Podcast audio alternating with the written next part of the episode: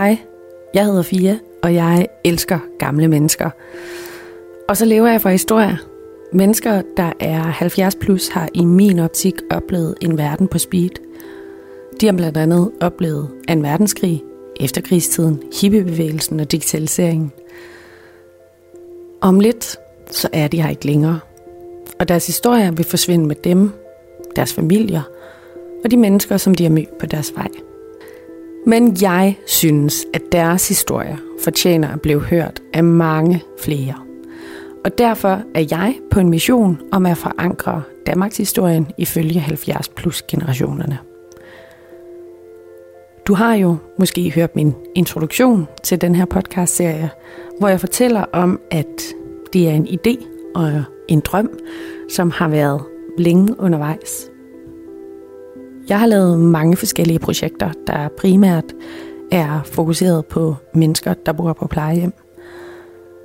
Og den her første korte historie, øh, som du skal til at høre, den lavede jeg faktisk for halvandet år siden i forbindelse med et frivilligt projekt, et videoprojekt på Betania hjemmet, som var ledt af ældresagen. Her der skulle jeg lave en film med Annelise, og det var som om, at det var kærlighed ved første blik.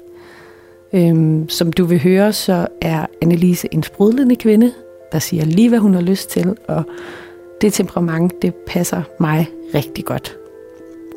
Annelise og jeg, vi snakkede om kærlighed, og på det tidspunkt, der havde jeg ikke haft sådan en rigtig kæreste i 10 år. Du ved, jeg havde da datet nogen, men jeg havde et meget stort afsavn til den væskeægte kærlighed. Annelise blev hurtigt en vejviser for mig, fordi hun har levet den ægte kærlighed. Og så har hun så også mistet den. Jeg har valgt at lægge den her korte historie op sammen med et andet podcastafsnit. Og normalt vil du altså hver tirsdag kun blive introduceret til én person. Men fordi det er første gang, så synes jeg, at du skal have muligheden for at lytte til to.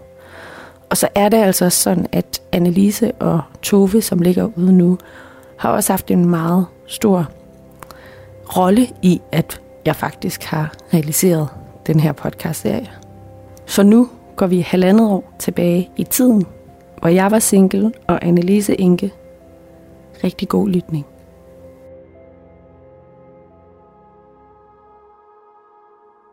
Hej, jeg hedder Fia.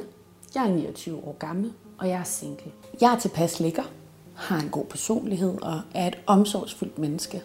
Men jeg har svært ved at finde kærligheden. Du ved, den der ægte, forvirrende, vilde, sårbare kærlighed. Og det stresser mig lidt. Jeg synes, der er så mange forskellige måder, jeg kan finde min kommende mand på. Jeg kan deltage i alle DR's datingserier.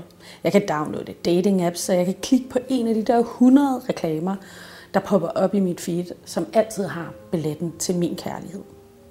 Skal du bruge mere end en time? Nej,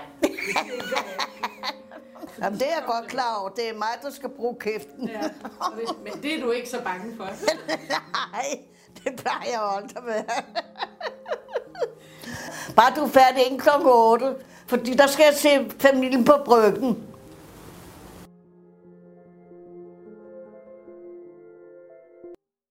Jeg havde min veninde, der hed Inge. Så kommer hun en gang hjem til mig, og så siger hun, øh, vil du med ned i Vindsor-biografen? Så siger jeg, det vil jeg da gerne, siger så. Men hvad skal vi ned og se? Vi skal ikke se noget, siger hun så. Men der er en sjejk dernede, jeg blev lun på. Så siger jeg, Nå, vi kan da godt gå derned. Og vi gik ned, og, og han lukker alle øh, biografgængerne ind i øh, biografen. Så lukker han døren, og der, så er, hvad det hedder, filmen var slut.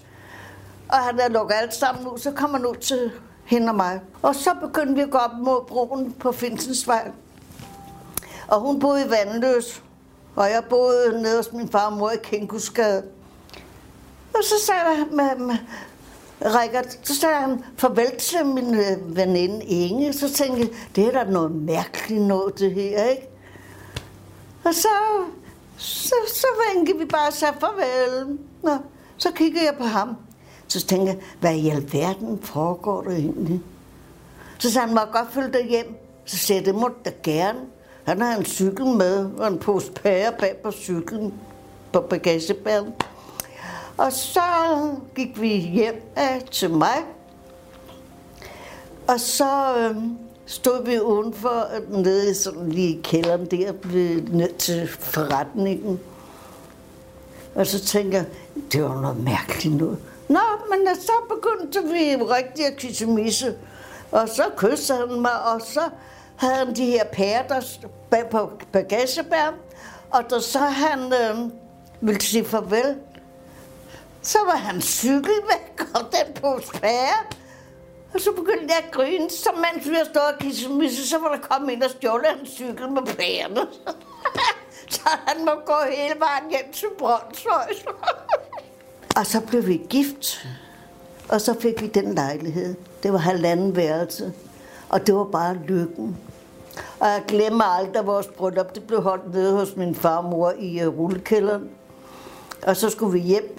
Men så gik vi jo i seng, og så næste morgen, så siger han, ja, han synes, han havde sådan lidt ondt, så siger jeg, det har jeg også. Vi havde kun den ene seng at ligge i, for det var kun halvanden værelse. Og da vi står op om morgenen, så siger jeg, hvad søren er det for noget? Så har de lagt en gulvskrubbe og en kost med alt muligt ned under madrassen, så det var jo ikke ondt, vi havde ondt med. så det var altså så skægt, og på den måde der udviklede det hele sig. Øh, vi var sammen på 48 til 94, så døde han. Det blev jeg sur på vor herre over. Det kunne han ikke være bekendt at tage ham, vel? Vi stod der, og vi havde glædet at snakke om, hvordan vores skuldbrud skulle foregå og så videre. Ikke? Og jeg var dybt ulykkelig. Og det værste af det hele, det var, som jeg vil sige ikke det værste, for det var faktisk det bedste, der overgik mig. Det var, at vi kom ind på øh, hospitalet søndag aften, der ringede min ældste søn til mig, og sagde må du må komme over nu, for jeg tror, det er ved at være oppe over byen med far. Vi skiftede sådan lidt, så altså, de kunne aflaste mig. Ikke? Og det var bare en lykke, at fik lov til at være hos ham fra søndag aften til mandag morgen. Klokken 8, der sagde jeg til ham, nu slipper du. Nu slipper du. Så slap han, og der gik en fred over ham. Han blev, altså, blodet løb fra ansigtet af ham. Han blev lige bleg. Og så var der skidt. Og det var bare lykken på den måde, fordi han klemte min hånd en eneste gang under hele forløbet, så var jeg klar over, at han vidste, at jeg var hos ham. Ikke? Det var hårdt at gå derfra og ikke have ham, og det var hårdt at komme hjem, og han heller ikke var hjemme i stuen, vel? Hver eneste aften, når jeg gik i seng, slog jeg hans dyne op, for jeg følte, at han lå ved siden af mig. Og næste morgen, når jeg rædte sengen, så rædte jeg også hans seng og lagde sengetæppet på. Ikke? Jeg havde det godt med at gøre det der, så havde han følt sig, at han ikke var, havde forladt lejligheden. Og vi skal mødes igen. Det kan jo godt tænkes. Jeg ved jo ikke noget. Der er jo ikke nogen, der kommer tilbage for at, for, at fortælle noget, vel? Så men man har jo håbet på, at jeg siger, både min mor og dem, og så ham igen, ikke? Skal du have mere? jeg kunne aldrig drømme og have drømt om at kigge på en anden mand. Der skulle ikke flere ind hos mig. Og ved du hvad, sådan en mand er der, finder du kun én gang i dit liv. Kan du så ikke det kærlighed? Og så når man tænker på den måde, vi mødte hinanden, det er ikke? Og jeg synes, det var faktisk, når jeg tænkte tilbage, så synes jeg, det var så synd for min, for min veninde Inge.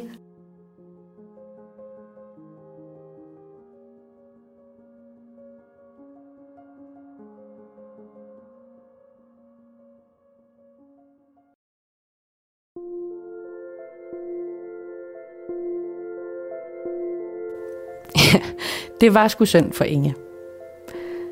Jeg elsker kærlighedshistorier. Og så især Annelises kærlighed til Richard, som stikker så dybt. Hun er en stor inspiration for mig. Og ja, nu har jeg selv fundet kærligheden. Og ved vores første møde, der skiftede jeg pærerne ud på bagagebæret med manden, hvor vi cyklede Nørrebro for bodegaer.